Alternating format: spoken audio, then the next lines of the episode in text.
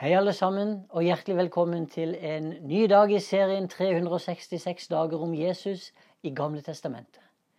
I dag er andagsordet henta fra Første Mosebok, kapittel 12, og vers 3.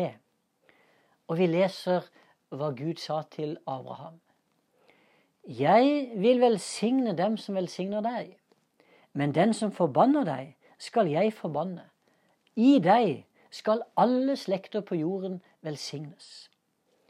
Dagens tittel er 'Velsignet i Kristus'. Det er noe helt fantastisk som er knytta til det å bli velsigna av Gud. Det hebraiske ordet som brukes om velsignelse, det vil si å få kraft til å oppnå suksess, rikdom, fruktbarhet, et langt liv og lignende. Roten av ordet det kan faktisk forbindes med et ord som betyr tank, reservat eller innsjø. Meninga bak dette det er jo at det øses ut velsignelse fra store og utømmelige kilder. Gud har så mye. På gresk betyr ordet som brukes for å velsigne, å snakke bra om eller å tale vel om. Og det er faktisk nær beslekta med det ordet som, å, som brukes for å prise og opphøye Gud. Gjennom velsignelsen som Gud ba Aron og sønnene lyse over Israels folk i ørkenen, så åpenbares det hva en velsignelse virkelig er. Når, når, når de skulle si 'Herren velsigne deg og bevare deg'. Herren la sitt ansikt lyse over deg og være deg nådig. Herren løfte sitt åsyn på deg og gi deg fred. Velsignelse, det handler om fellesskap og nærvær. Og den største velsignelsen et menneske kan oppleve, det er jo å se Guds ansikt. Noe av Herrens ansikt blir åpenbart gjennom velsignelsen. Vi kan jo ennå ikke se Gud som den han er. Men når velsignelsen lyses over oss, ja, så får vi en forsmak på hva som ligger i å se Herrens ansikt fullt åpenbart. Gud har alltid hatt en plan om å velsigne alle slekter på jorda. Hans ønske er at hvert enkelt menneske skal få del i hans velsignelse. Da Gud valgte ut Abraham for å velsigne ham, så var jo ikke hensikten at all Guds velsignelse skulle bli bare i den ene. Tvert imot. Hensikten med å velge ut Abraham var jo nettopp at Guds velsignelse gjennom han skulle bli gitt til alle de andre folkene. Abraham trodde Gud, og derfor regna Gud ham som rettferdig. Velsignelsen den er knytta til troen.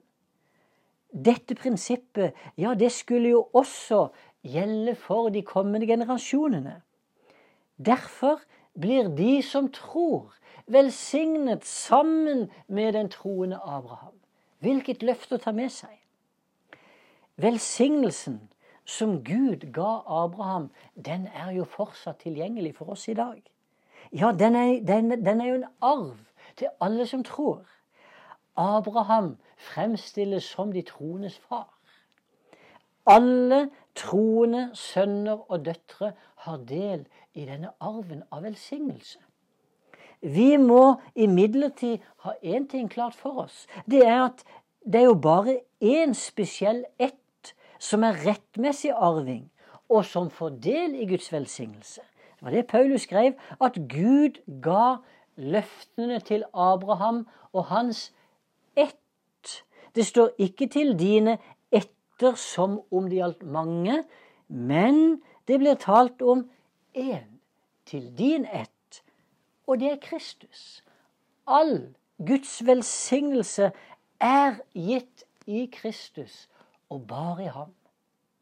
Det er snakk om bare én ett som er bærer av velsignelsen, og det er Kristus. Sånn skulle Abrahams velsignelse, sier Paulus, komme til folkeslagene gjennom Kristus Jesus, så vi ved troen skulle få Ånden som det var gitt løfte om.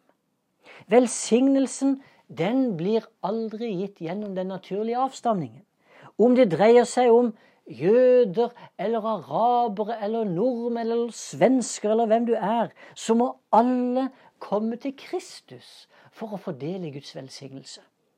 Det finnes ingen velsignelse utenfor Kristus Jesus. Guds velsignelse gis til alle slekter på jorda. Og det handler både om tid og om utstrekning.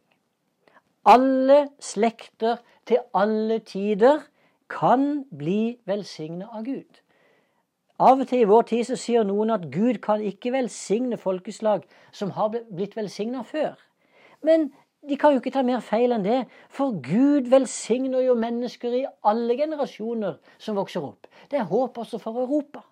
Jesus Kristus, han er jo hele verdens og alle generasjoners frelser.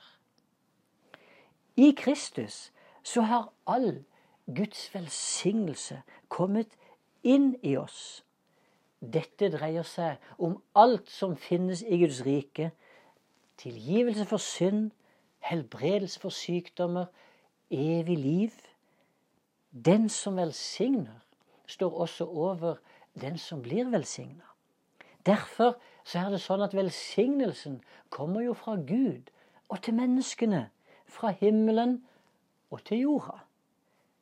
Når Paulus skal hylle han, så sier han velsignet er Gud, vår Herre Jesu Kristi Far, Han som i Kristus har velsignet oss med all åndens velsignelse i himmelen.